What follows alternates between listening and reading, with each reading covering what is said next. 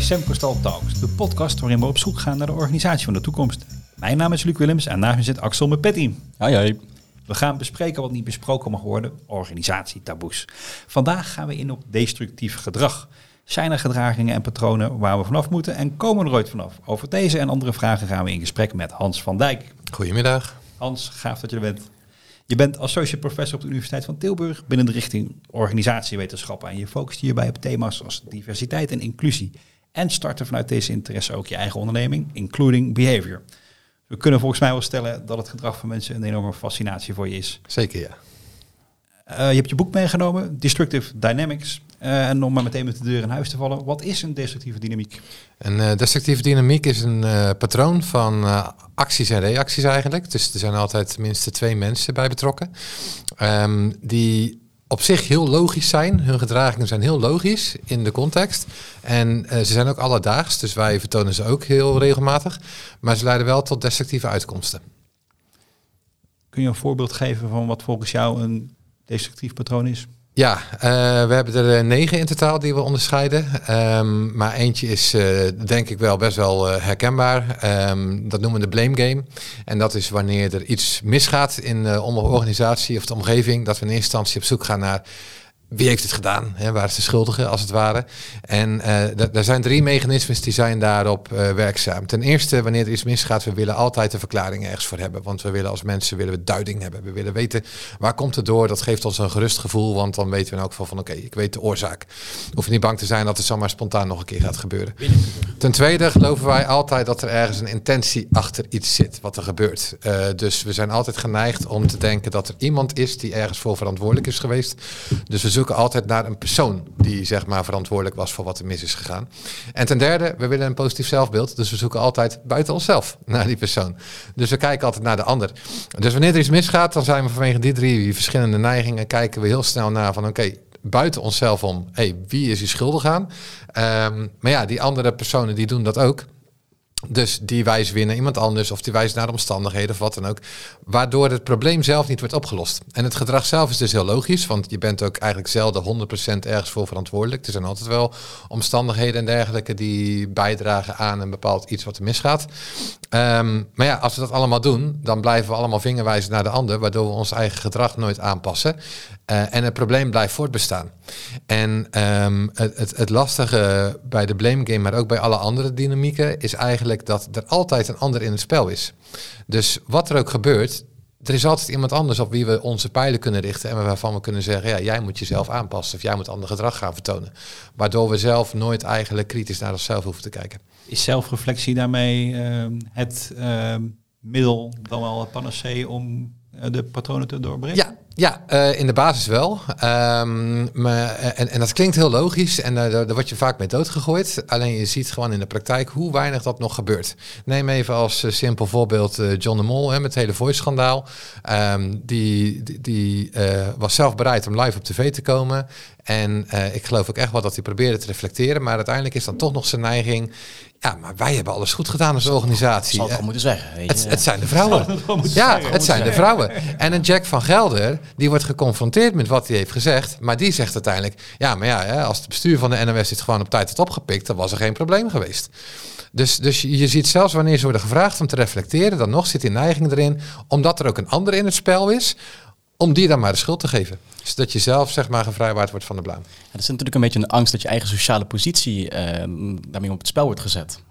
Ik denk dat dat zeker ook meespeelt. Um, maar, maar in de basis is het denk ik gewoon een heel menselijke eigenschap. Van ja, je wil positief denken over jezelf. Want ja. het is heel moeilijk leven met jezelf wanneer je zelf heel bewust bent van... oh ja, ik heb dit echt fout gedaan. Um, en, en dus is ons hoofd overuren aan het maken om maar te kijken van... oké, okay, welke factoren, welke andere mensen kunnen we de schuld geven... zodat mijzelf hier geen blaam treft. Um, terwijl, terwijl heel vaak in dit soort situaties... als je eigenlijk gewoon zegt tegen de ander van... joh, uh, ja, ik heb daar iets verkeerd gedaan, sorry. Dat is eigenlijk meestal in één keer oké. Um, en omdat we dat niet doen, ja, daarom blijven mensen maar graven en blijven ze maar doorgaan. Uh, en, en, en worden die dingen niet opgelost, waardoor het vaak alleen maar ook nog een keer erger wordt. Dus het gedrag is heel menselijk en we doen het allemaal en op zich ook best wel logisch eigenlijk. Maar het leidt wel tot heel destructieve gevolgen op de lange termijn. Is het ook een taboe? Of, uh, taboe is hetgene wat je niet mag bespreken, hè, waar, ja. waar, het niet over mag gaan. Is, is schuld op je nemen een taboe, denk je? Ja, dat denk ik zeker. Uh, vanwege wat Axel ook al zei, van ja, we, we, zijn allemaal dan bang dat mensen ons dan plotseling als, als een fraudeur gaan zien. Of als iemand die toch minder competent is. Of nou ja, iemand die misschien toch wel fouten maakt. Dat, dat willen we niet. Daar zijn we allemaal bang voor. Um, dus ja, dat is denk ik zeker een taboe. En, en in bredere zin bij al van deze dynamieken. Uh, waar we de lezer eigenlijk toe oproepen is van... Um, je speelt in al van dit, elk van die dynamieken speel jij een rol, maar er is ook een ander. En vanwege de blame game ben je dus geneigd om de ander altijd de schuld te geven. En is het heel moeilijk om je eigen aandeel erin te zien omdat je zo van nature geneigd bent om vooral te focussen op wat die ander de aandeel ervan is eigenlijk. Um, en en uh, het taboe is wat mij betreft dus in die zin breder van dat jij zelf ook vaak een aandeel hebt in dingen die er misgaan en dingen die er beter kunnen, zelfs wanneer er ook een andere persoon bij betrokken is. Uh, en en nou, dat vinden we denk ik vaak heel moeilijk om te begrijpen, omdat het heel makkelijk is om al te zeggen, ja, weet je, maar die heeft iets niet goed gedaan. Nou ja, en dat droeg ertoe bij. Dus eh, als die ander maar gedrag verandert, nou, dan is het probleem opgelost. Ja, het taboe zit natuurlijk ook gewoon volledig op, op fouten durven, durven toegeven. Ja. Uh, dat is natuurlijk gewoon ergens heel naar. Uh, je, ja, het positieve zelf wat je van jezelf hebt, maar ook van wat anderen van je hebben. Uh, dat wil je zo, uh, zo, zo, glansrijk mogelijk maken. Ja. Ehm, waar fouten toegeven inderdaad voor kan zorgen dat je de, dat je de promotie niet krijgt. Of dat, dat mensen je dus inderdaad anders gaan zien. Ja.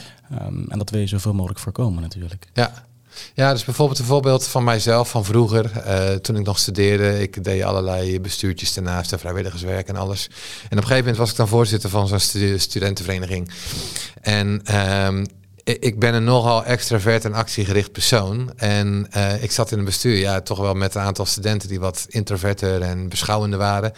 En uh, mijn hoofd is soms een ideeënmachine. Dus weet je wel, we hadden dan weer een aantal punten waar we aan de slag moesten. En ik had allemaal plannetjes, dus die deelde ik met iedereen. En uh, zij zei zo van, ja, ja, ja, ja, klinkt op zich wel goed, hè. Dus ik was meteen, nou mooi, top, hè, we gaan door, en laten we dit zo doen. En, en actiegericht, dus ik was meteen aan de slag, meteen die punten implementeren. En standaard gebeurde het gewoon eigenlijk dat ik twee, drie dagen later werd gebeld of even werd aangesproken door een van die anderen van... Ja, Hans, ik heb er nog eens over nagedacht en ik denk, kunnen we niet beter zo en zo afpakken? En, en nou ja, ik bleef altijd wel zeg maar aardig en vriendelijk van ja, oké, ja, goed punt. Maar eigenlijk ten, ten diepste kookte ik wel een beetje. Want ik had zoiets van, konden jullie dat niet eerder zeggen? En, en het duurde heel lang voordat ik besefte van, ik was degene eigenlijk die hun overrompelde. Um, hè, met mijn dominante gedrag uh, ik hen ook geen ruimte. En, en wat ik een stukje heb moeten leren is zelf een stukje gas terugnemen en ruimte geven aan anderen, zodat zij een stukje meer kunnen floreren. Maar ook bij mij daar was het gewoon zo makkelijk om als het ware gewoon het lekker bij de ander te leggen. Dus dat is ook een van de dynamieken die we noemen, eh, die noemen domineren moet je afleren. Um, en ja, dat zien we gewoon heel veel in organisaties. Dat zeker wanneer mensen wat hoger in de boom komen. Ja, dat ze dan ook het gevoel hebben van oké, ik ben een manager, ik ben de leider. Dus ik moet hier verantwoordelijkheid nemen. Ik moet initiatief tonen. Uh, maar daarmee alle medewerkers helemaal uh, doodslaan. Um, hè, dus, dus we willen heel graag dat medewerkers eigenaarschap vertonen. En, en weet je wel, zelf met initiatieven komen. Maar ja, heel vaak zijn het de managers zelf die, die medewerkers daarvan weerhouden. Doordat eigenlijk elk initiatief vanuit de medewerkers wordt ontmoedigd. Of doordat ze zelf alle medewerkers al continu overspoelen met allemaal ideeën. Ja, het zit hem in gedrag, het, zit hem ook in de houding. Er was hier uh, een paar, paar, uh, paar maanden geleden was hier een andere, andere gast voor onze podcast. Die gaf ik aan, ik, ik kan in, in, een, in een zaal of in een ruimte kan je al zien wie hier de baas is. Uh, puur op, op, op, hoe die zit. Ja. een beetje achterover, een beetje van, nou, nou dat heb ik al wel vaker gehoord. En leuke ideeën allemaal, maar ik ga daar de knoop doorhakken. Ja. En ook de, de knoop doorhak mentaliteit, die heerst dan ook wel. Van, jongens, uh, ik moet hier domineren, uh, leuke ideeën, maar aan het eind van de, van de dag ben ik de baas. Ja. Uh, dit moet er gebeuren. en juist die ruimte creëren, wat een beetje als vertragen kan, kan ervaren. dat is wel enorm belangrijk. Ja. Um, en juist ook aangeven, en daar ging net wel een beetje op aan toen je het had over fouten maken. Um, geef aan wat de marge voor fouten is. Uh, want fouten maken mag, dat is altijd heel makkelijk gezegd. Ja. Uh, fouten maken mag. En uh, vervolgens, als jij zelf heel streng bent wanneer je zelf een fout maakt, ja, dat spiegelt ook op de rest van de organisatie hoe zij met fouten om zouden, zouden kunnen gaan. Ja. Uh, maar juist aangeven van, nou oké, als je een fout maakt, ik ben er zelf zo in, zo, zo zitten we er samen in. Uh, dit, dit zijn de consequenties ervan. Misschien zijn er wel minimale consequenties, maar dat, speelt toch in je hoofd hoe, uh, wat er dan zal gaan gebeuren. Dat verhelderen zorgt dat mensen veel meer willen experimenteren, de ruimte willen pakken. want ruimte geven is één, maar ruimte willen pakken is een ander. Ja. Durven pakken al helemaal. Ja. Uh, dus dat speelt enorm mee. Uh, dus hoe je daar als leidinggevende, baas, noem maar op, mee omgaat. Vanuit jezelf, maar ook wat je uitstraalt. heeft een enorme werking op wat er in een groep gebeurt. Ja, ja, nee, zeker. Het enige wat je dan kan, kan doen is zelf het goede gedrag, voorbeeldgedrag. Uh, Ex exact. Uh, ja. Het voorbeeldgedrag en het voorbeeldhouding. Uh, hoe wil je dat de mensen aan tafel zitten, zitten ze ook aan tafel. als je achterover zit en nou, dan straalt het al uit, je bent de baas en dan gaat iedereen kijken naar jou wanneer jij zeg je gaat doen. Nou, en, en als je dan zegt nee, fouten maken mag, maar, maar je geeft er zelf geen toe, dan, ja, kom, je dus, dan kom je dus geen stap verder. Ja. Want, want als iets niet mag in organisaties, dan is het fouten maken. Ja. Uh, die, die, dominantie is inderdaad ook wel mooi, waar het bij een van de eerdere podcasts over ging. Het, um, um, dat versterkt zichzelf ook heel erg. Als je eenmaal in je leidinggevende positie zit, ga je ook denken dat je mening belangrijker is. Door meer naar je geluisterd, je hebt meer spreektijd, ja. uh, jouw mening telt ook zwaarder, mensen vragen er vaker om. En dus ga je denken dat wat eigenlijk ook maar een mening is, een soort zwaarderwegende ervaring is. Ja. Uh, kom daar maar eens vanaf. Ja, ja, ik, ik, ik geef dus ook les op de universiteit. Daar werken we veel met simulaties. En het is heel maf. We zien bij studenten al, die eigenlijk gewoon geen leidinggevende ervaring hebben, dat puur wanneer wij hen in een managementrol bij zo'n simulatie zetten, dat ze zich heel anders gaan gedragen. Ja, ga bij de voet de, de poot op tafel waarschijnlijk. Ja, precies. Eh, en, en dan vragen we naar de hand nu, want het gaat dan ook standaard fout. Uh, omdat medewerkers in de weerstand gaan. Ehm, maar, maar als we hun dan naderhand vragen van, oké, weet je, even, stel je voor je was geen manager. Zou je dat dan ook zo hebben aangepakt? Ja, nee, weet je wel, dat, dat, dat ben ik zelf niet. Ja, waarom ga, waarom ga je je dan wel op een manier gedragen hoe je eigenlijk dat helemaal niet zou doen, weet je wel? Dat, dan ben je niet authentieke manager. En dat, dat voelt iedereen ook wel aan. Dus het is echt een soort van beeld wat we hebben van hoe je als, als leidinggevende of als manager moet gedragen. Wat gewoon totaal niet klopt en totaal ineffectief is. Maar je zit er wel continu nog in de organisaties om je heen. En dat is, dat is heel raar. En, en dus het laten zien van jouw zelfreflectie als leider misschien wel het instrument ja om, aan deze dynamieken te ontsnappen. Ja, ja dat denk ik wel. Um, dus we proberen in het boek soms ook wel wat persoonlijke voorbeelden te geven en uh, illustraties. Maar we, we, roepen vooral op um, voor, de, voor de lezers en voor de mensen die hiermee aan de slag willen gaan. Van ja, uh, sta stil bij jouw eigen gedrag en hoe jij het gedrag van de ander voedt vanuit het hele idee dat een dynamiek eigenlijk altijd bestaat uit een patroon van acties en reacties tussen verschillende mensen. En, uh, en dit is dus ook hetgene wat mij vooral fascineert. Hoe is mijn gedrag van invloed op, op jou of op jullie gedrag? Um, en want we denken heel vaak van nou, hè, we zijn altijd alle tijden vrij om ons om te gedragen en te doen wat we zelf willen. Maar we weten gewoon uit onderzoek dat, dat 90 tot 95 procent van ons gedrag eigenlijk een automatisme is. Uh, en dat betekent ook dat, dat ten eerste heel veel van ons gedrag wordt gestuurd door de situatie, maar ook heel veel door wat anderen doen. Kijk, als ik, als ik een van jullie een klap geef, dan krijg ik waarschijnlijk een klap terug. Um, maar het grappige is, als ik een compliment geef, dan, dan, dan heb je heel vaak zelf ook de neiging om een compliment terug te geven. Ja. Uh, al, is, als, al is maar dankje. Hè, dankje zeggen is eigenlijk ook al een compliment geven. Van, oh, dat, hè, wat, wat ben je attent? Ik waardeer dat je het zegt. ik waardeer dat je het zegt. Hey, wat, wat ben jij attent? Wat goed zeg. Wat fijn. Um, als iemand mij een compliment geeft over mijn kleding, dan heb ik altijd de stomme neiging om, om ook een compliment te willen geven over de kleding van de ander. Dat zie ik een beetje voor me als je bij de kassen staat. Uh, als je gaat pinnen. Bedankt voor betalen. jij bedankt. Ja, ja precies. Zit er voor. ja. Ja, exact. Um, jongens, jongens, even stoppen. Uh, ik voel oprecht veel dankbaarheid. nee, ja. Jij hebt mij mogen laten betalen. ja, maar, maar, maar heel veel gedrag van wat we vertonen wordt dus eigenlijk beïnvloed door het gedrag van de ander. En, en wanneer we ons dus storen aan het gedrag van de ander, dan moeten we eens een keertje gaan stilstaan en gaan reflecteren op in hoeverre draag ik zelf eigenlijk bij aan dat gedrag van de ander. Ben ik daar zelf niet eigenlijk voor verantwoordelijk? En, en als je zo gaat zien, ja, dan wordt het plotseling leuk, want dan kan je ook gaan experimenteren. Um, hè, ik ga dan gewoon een keertje bij jullie een keer me heel anders gedragen. Kijken wat dat doet met jullie. Nou ja, dat, dan, dan wordt het denk ik leuk en interessant en spannend. Nou, je moet, je moet leren ook leuk maken in die zin, inderdaad. Ja. Jezelf uitnodigen om een experiment te doen. En even terug naar die, uh, naar die negen dynamieken. Ja, ze zijn, het, zijn alledaagse patronen die zich eh, in de interactie uitvergroten tot iets wat destructief is. Maar wat is nou het minst alledaagse patroon? Wat is nou de meest uh, uh, verrassende? Ik denk de mythe van talent. Ehm, eh, ik bedoel, ze zijn allemaal alledaags, maar, maar eigenlijk zeg maar acht van de negen die zitten een beetje in het, ja, als je de Roos van Larry eh, hanteert, een beetje dominant tegengedrag. Uh, maar de mythe van talent, die, die, die staan eigenlijk net een beetje anders. Ehm, en uh, die is een beetje gebaseerd op, we, we, we introduceren dat ook in het boek, um, met de vraagstelling van, joh, stel je voor je hebt kinderen, elke ouder wil altijd dat zijn kind succesvol is wat is nou de beste manier om dat te regelen? En uh, nou, hè, als je dat vraagt aan mensen, dan zijn antwoorden die ze geven. Wat, wat voor antwoord zou je daarop geven?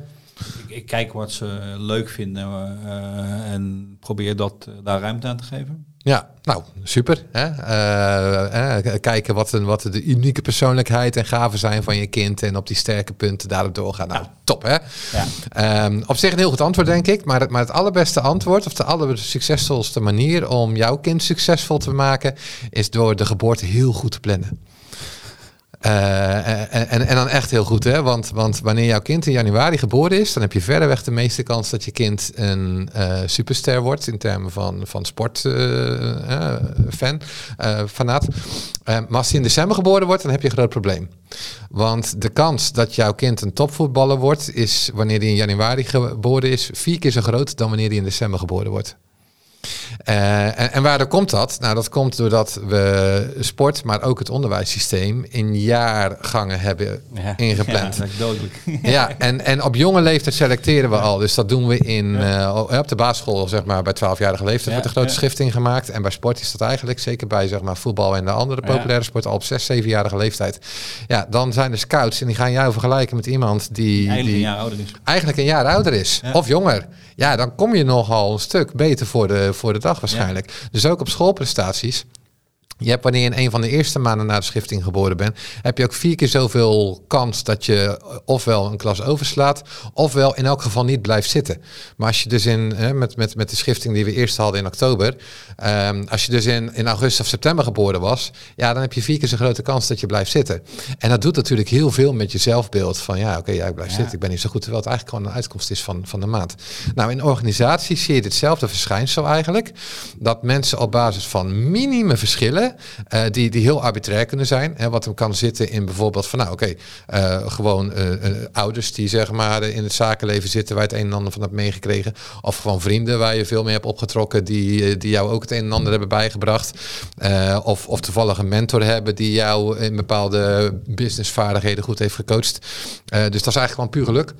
Um, dat op basis daarvan, of, of misschien dat je zelfs een hobby hetzelfde hebt als jouw manager. Ja. Dat op basis daarvan jij wordt geselecteerd tot een talentenprogramma. En uh, net als bij sport heb je bij veel organisaties een talentenprogramma. Ja joh, die krijgen, die krijgen, die krijgen investeringen. Dat is niet normaal. Die mogen op tweedaagse in externe locaties met de beste trainers. Uh, die krijgen allemaal een persoonlijke coach uh, toegewezen. Ja. Um, net als bij sport. Het verschil tussen, ik heb vroeger dan in E2 gezeten, maar de E1 van voetbal, nou die gingen tegen Ajax spelen. Ja. En die kregen echt een topcoach, zeg maar. En die trainde drie keer per week in plaats van twee keer per week. Twee jaar later zijn die ook beter dan ik. Hoe zou dat komen? Uh, is dat omdat ze daadwerkelijk beter waren? Of is dat omdat ze meer oefening hadden tegen betere leeftijdsgenoten met betere begeleiding en betere training? Zeer waarschijnlijk toch wel vooral dat laatste. Um, dus de mythe van talent die zegt eigenlijk van uh, talent zelf, ten eerste 62% van onze beoordeling van andere mensen in hun competentie gaat puur over ons. Um, oh, hoe doe je dat? 62 procent. Er is een meta-analyse geweest in 2000. Die heeft helemaal geanalyseerd van oké, okay, alle beoordelingsstudies die er zijn gedaan. Ja. Uh, hoeveel procent is nou zeg maar objectief een indicatie van betere prestatie van de persoon waarover die beoordeling gaat en hoeveel zegt eigenlijk meer wat over oh, de beoordelaar. Joh. En dus meer dan de helft van je beoordeling van iemand anders is gebaseerd op je eigen karakter. Het gaat over jezelf. Ja. Eigenlijk ben je jezelf aan het beoordelen. Eigenlijk ben je jezelf aan het beoordelen. Ja, en, dus, en, en selectie voor van die, van die talentenprogramma's is heel vaak, weet je wel, gewoon aan een aantal leidinggevenden wordt gezegd van, joh, wat zijn jouw toptalentjes? Ja. Dat zijn spiegelingen van, van, van hem of haarzelf. Precies, ja, precies. Ja, ja, ja en vandaar, vandaar dat je dan dus ook een reproductie krijgt van, zeg maar, gewoon de top in de organisatie. Ja, dat, dat is wat er in het talentenprogramma zit. Logisch en uiteindelijk, die talentjes, ja, die, die, die komen allemaal na een aantal jaar, zeg maar, hebben ze zich daadwerkelijk stukken beter ontwikkeld dan al diegenen die niet talent waren. Dus iedereen krijgt ook bevestiging van ja, zie je wel, we hebben de juiste mensen geselecteerd. Alleen, alleen, alleen die zie je wel. En die bevestiging is helemaal niet omdat die mensen echt beter zijn, maar puur omdat uh, ze zoveel in hun hebben geïnvesteerd. Ja. Ja. En het Dus- beoordelingsmechanisme is geba- gebaseerd op, op een standaard die er al was. Ja. Ja. Ja, Ja. Ook een mooie vuistregel overigens die daarmee samenhangt, die voor, voor, voor consultants wel interessant is, is dat het advies dat mensen jou geven vaak een advies aan zichzelf is. Ja, ja, ja, ja, ja, ja, ja, mooi is dat. Ja, ja zeker. Ehm, dus en, en het omgekeerde, ehm, hè, dat bestaat ook heel erg. En die kan je vaak heel makkelijk uitleggen. Dus dat noemen we de impressie van incompetentie. Eh, dat is dan een andere dynamiek, maar het is een beetje op hetzelfde principe gebaseerd. Wanneer ik de indruk heb dat eh, jij, Luc, bijvoorbeeld niet zo competent bent. Ehm, en jij maakt een fout. Wat is dan mijn reactie? Zie je wel. Zie je wel. Hè? Maar wanneer ik de indruk heb dat je echt super competent bent en, en dan maak je een fout, Hij zal het wel even druk hebben. Precies. Ja. Hè? Omstandigheden is menselijk. Joh, ik maak dat zelf ook. En als ik jouw manager ben, dan ga ik je nog even coachen, nog even aanmoedigen van joh, je kan het wel. En dan doe je het nog een keer en dan doe je het wel goed. En dan is ja, zie je wel. Ehm, hè, dus, dus, dus ook daarbij, het is zeg maar niet jouw gedrag wat mijn beeld van jou beïnvloedt, waardoor ik zelf een beter beeld krijg van jou. Maar het is het beeld wat ik al van jou heb, wat dus op heel arbitraire Ja. basis kan zijn gebaseerd, wat vervolgens continu mijn beoordeling van jou beïnvloedt. Want hetzelfde gedrag wat jij vertoont, ik heb daar een compleet andere beoordeling eh, van, puur op basis van het beeld wat ik van je heb. Ja, je, je bent je eigen zelfbeeld en het zelfbeeld wat je van anderen hebt, ben je aan het bevestigen inderdaad. Ja. eh, een vriend van mij die, die werkt op de middelbare school.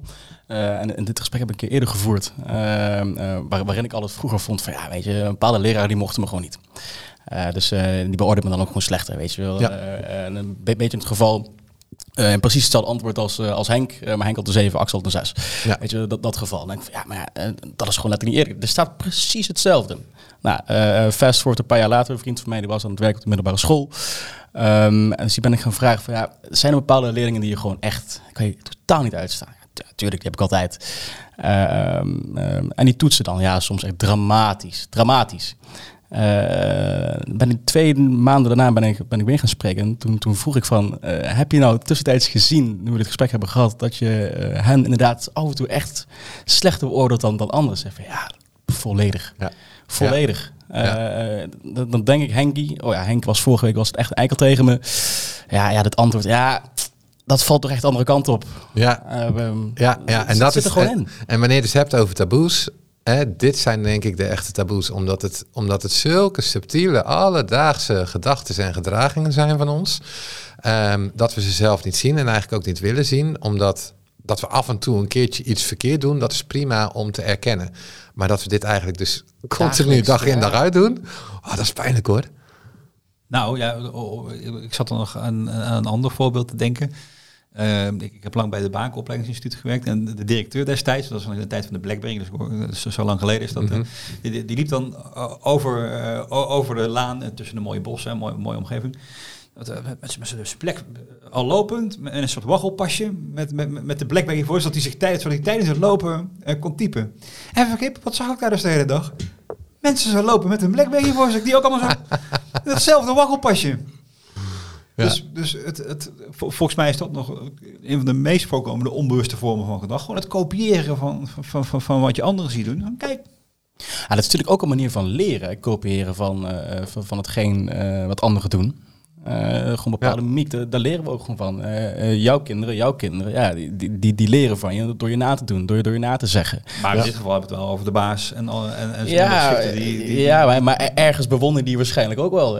Die, die loopt er met zijn Blackberry, dus ja, die, die doet bepaalde gedragingen, die, doet- die, die doet er goed. Eh, Ja. Die gaan we kopiëren. En waarschijnlijk is het geen, geen bewuste, maar mijn onbewuste eh, drijver zou ik zo zeggen. Nou, ik denk dat past bij wat je eerder al zei, Luc. Van ja, wanneer de baas iets doet, ja, dan, dan ga je daar heel erg op anticiperen en dat maar modelleren. Omdat je denkt van ja, oké, dat, dat is blijkbaar de norm. Ehm, dus doe ze was de baas. Ja. Ja. Ze zitten wel een beetje in elkaar. Ja, Wat moeten we er nou mee? Ja, eh, zelfreflectie zei. Ik hoor je misschien ook wel een beetje zeggen... ehm, eh, hetgeen wat, wat je aandacht geeft, groeit. Eh, geef je bepaalde talenten de juiste aandacht, dan, dan groeit het. ja, Ehm, ehm, bruggetje naar organisatiecontext in het team. Het gaat allemaal dramatisch. Persoonlijke aandacht en zelfreflectie. Maakt dat het Het team sterker, de organisatie Eh, beter. Nou, dat sowieso, eh, denk ik. Ehm, ik denk dat we veel te snel in de, in, in, in de werktoestand schieten. In de, in, In de actiestand. In de Probleem actiestand. oplossen. Ja, Ja. met de gedachte van, nou, oké, wanneer we stilstaan, dan gebeurt er niks. Maar zodra we maar bezig zijn, dan gebeurt er wat. Ja. Eh, eerlijk gezegd is dat ook een van de destructieve dynamieken die we noemen. Die noemen we bias towards action. Ja. Ehm, Namelijk omdat dat we heel vaak zien dat er, er is heel vaak een druk die mensen ervaren. En zodra je een druk ervaart, dan schiet je in de stress. En wanneer je lichaam in de stress schiet, dan is het eigenlijk zeg maar in de actiestand. Van Ja. oké, hè, je, Ja. je, je wilt oplossen. Door. Ja. Precies, ja. En, en je, wil, je, je wil die stress, die wil je verlichten, die wil je oplossen. Met als gevolg dat wanneer er dus tijdsdruk is, en tegenwoordig met de hypersnelle wereld hebben we dat eigenlijk continu, al het gevoel dat je tijd tekort hebt. Dus wanneer er ook maar een suggestie is van een mogelijke oplossing, ja, dan hebben we heel snel de, de, de, de houding van oké, top, we hebben een idee, laten we ermee aan de slag gaan. En zeker zodra er één iemand aan de slag gaat, is het heel moeilijk om dan als andere te zeggen, ho, wacht eens even. Laten we eerst toch nog even stilstaan en even er nog over nadenken. Ehm, dus al die anderen die voelen allemaal nog een keer extra druk omdat de ene aan de slag wil gaan, om ook maar aan de slag te gaan. Ja. Ehm, en dan, je gaat met z'n allen dan heel hard werken. En wanneer je eenmaal bezig bent, zeg maar fysiek, dan, dan staat ons brein uit. Ehm, dan kunnen we niet meer nadenken. Hè? Dus je hebt zeg maar zo'n zo'n zo'n gezegde van oké, wanneer je zeg maar eh, op de pauzeknop drukt bij machines, dan stoppen ze. Maar wanneer je op de pauzeknop drukt bij mensen, dan pas gaan ze werken. Want pas wanneer we stilzitten, dan pas gaan onze hersenen aan. Ja. Maar wanneer je hard aan het werken bent, ja, dan, dan denk je niet na, dan reflecteer je niet. En als je dus een, een slechte strategie hebt gekozen, dan is iedereen heel hard aan het werk, maar het schiet niet op. Dus ze gaan nog harder werken, want ze gaan nog meer druk ervaren.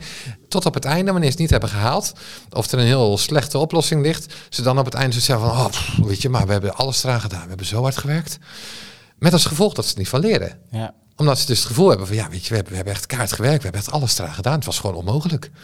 Terwijl wat ze eigenlijk hadden moeten doen, is gewoon nog even wat langer stilstaan. En, en, en een heel eh, alledaags, eh, niet werkgerelateerd voorbeeld waar ik dit heb eh, uitgeoefend, was in een escape room. Dus dat, dat ken je misschien wel. Heb je door heel Nederland, zeg maar, eh, kan je lekker als Ja. teambuilding doen. Ja. Eh, je wordt in een ruimte opgesloten, allemaal puzzels. En je moet eruit zien te komen binnen meestal een uur tijd. En we doen dat standaard met mijn schoonfamilie. We gaan altijd een eh, weekend weg, per- eens per jaar. En dan altijd in teams. En we waren een keertje ergens. En nou, we waren op tijd eruit. eh, twee minuten nog op de klok. Zwijf vet trots. De eigenaar was weer helemaal van... joh, je hebt het supergoed gedaan. De meesten halen dit niet. Dus wij helemaal... oh, kijk, als het goed zijn. En toen maakten we de kolossale fout door te vragen... oké, en wat was de beste tijd ooit? Ja, ja, ja. En toen zei die man, die zei, ja, dat was echt gek. Dat waren, dat waren vier gasten en die kwamen binnen en die waren binnen 32 minuten al buiten. En wij echt zo, hoe hebben ze dat gedaan? Ja, zegt hij, dat was echt raar. Ze liepen naar binnen en de eerste drie minuten deden ze niks. Ze stonden gewoon stil en een beetje te overleggen. En, en nou ja, degene met wie ik was, die zaten allemaal van, Hè, hoe kan dat? En ik dacht alleen maar, Shit. ik ben zelf in de bias towards action getrapt. Ik geef Ja. je nog wel les over. Wat is dit erg? Want, want, want de eerste neiging die ik heb, en jullie misschien ook wel, wanneer je zo'n escape room binnenkomt, is je hebt, je hebt die tijdsklok, je hebt die druk. Dus eh, je vliegt meteen allemaal naar een andere hoek. Hè? Efficiënt, taakverdeling, noem het maar op. En dan, dan zit je zelf je eigen puzzel op te lossen. En iedereen die doet dat, dus iedereen is heel druk bezig. En, en alles wat je tegenkomt, dat deel je. Dus dat ben je aan het praten, zodat de anderen dat ook kunnen opvangen. Maar als ik heel eerlijk ben, ik ben zo druk bezig met die puzzel en met praten dat ik niet hoor wat die anderen zeggen. Want als ik moet gaan horen wat zij zeggen, dan moet ik even stilstaan. Ja, en dat, dat, dat voelt niet productief. Kan niet. Nee, precies. Dus waarschijnlijk wanneer ik aan het praten ben, grote kans dat de anderen ook aan het praten zijn. Dus dat we door elkaar heen praten. Dus ja, we, we, we vangen helemaal niks op. Terwijl de hele kern van zo'n goede escape room, als die goed in elkaar zit, is juist dat zeg maar, wat er in de ene hoek een beetje gebeurt, dat je dat nodig hebt om de puzzel in de andere hoek op te lossen. Dus wat die gasten deden, was gewoon geniaal. Ze gingen eerst stilstaan in het midden, even rondkijken, even een brede blik en zeg maar verbanden leggen. En dan gezamenlijk een strategie bepalen oké, hoe pakken we dit aan? Dus eh, ik was letterlijk dit hoofdstuk aan het schrijven over Bias Towards Action in het boek. Toen ik weer met mijn schoonfamilie eh, een weekend wegging. Dus ik zei toen we weer in teams waren, ik zei tegen mijn team, joh jongens, ik wil even wat uitproberen. Kunnen we alsjeblieft deze strategie volgen? Ehm, dus nou oké, eh, zij vonden het prima, dus wij hebben dit gedaan. En ehm, we merkten dat gewoon gedurende de hele escape room, niet alleen in het begin, maar gewoon gedurende de hele tijd, we meer rust hadden. En meer de tijd namen om te overleggen, om ook te luisteren naar elkaar. En we waren uiteindelijk, die andere twee groepen, die waren binnen 47 en 49 minuten buiten. En wij binnen, ik geloof, 37 minuten. En de beste tijd ooit was, 7, eh, was 34 minuten daar. Ja. Ehm, dus ja, ik bedoel, N is 3 in dit geval, maar het was echt wat zien, verschil ja. ten opzichte van de andere twee. Ja, dus ehm, ja. Ja, toch, eh, volgens mij is er nog wel een tegenovergestelde bias. eh, eh, namelijk een bias towards policy making en, en talking, zou ik zeggen. Ja, analysis paralysis. Ja. Eh, ja. Bias towards pa- passiviteit. Eerlijk gezegd, die ken ik op de universiteit best wel Ja. een beetje. Maar bias towards, bias towards dikke documenten. Ja, ja, nee, op de universiteit is een beetje de standaard, de standaard reactie op elk probleem van... Hmm, daar moeten we eerst nog even verder onderzoek naar doen. Een procesje gieten. Ja. Precies, dus die bestaat ook zeker. Die hebben we wel overwogen. Alleen, alleen best vaak heb je dat die toch wel eens een beetje zelfoplossend is. Omdat op een gegeven moment kom je erachter, oké, nu is er geen tijd meer. Nu moeten we toch overgaan naar actie. Eh, terwijl bij deze bias towards action, ehm, daar zit dat zelflerend vermogen er niet in. Omdat je op het eind, wanneer je het niet hebt gehaald, alleen maar het gevoel hebt van, ja, ik heb echt alles eraan gedaan. Ja, oké. die hij, hij nodigt wat minder uit tot, tot, tot reflectie. Ja, nee, bij die analysis paralysis, die is wel... Het, de, die, die, die kom ik ook wel eens tegen als ehm, het, het vraag-antwoord probleem. Weet je, een vraag leidt tot een antwoord, leidt tot meer vragen, leidt tot meer antwoorden, Ja, leidt tot meer vragen. Ja. Ja. en dan, Ja, zo kan je eindeloos doorgaan.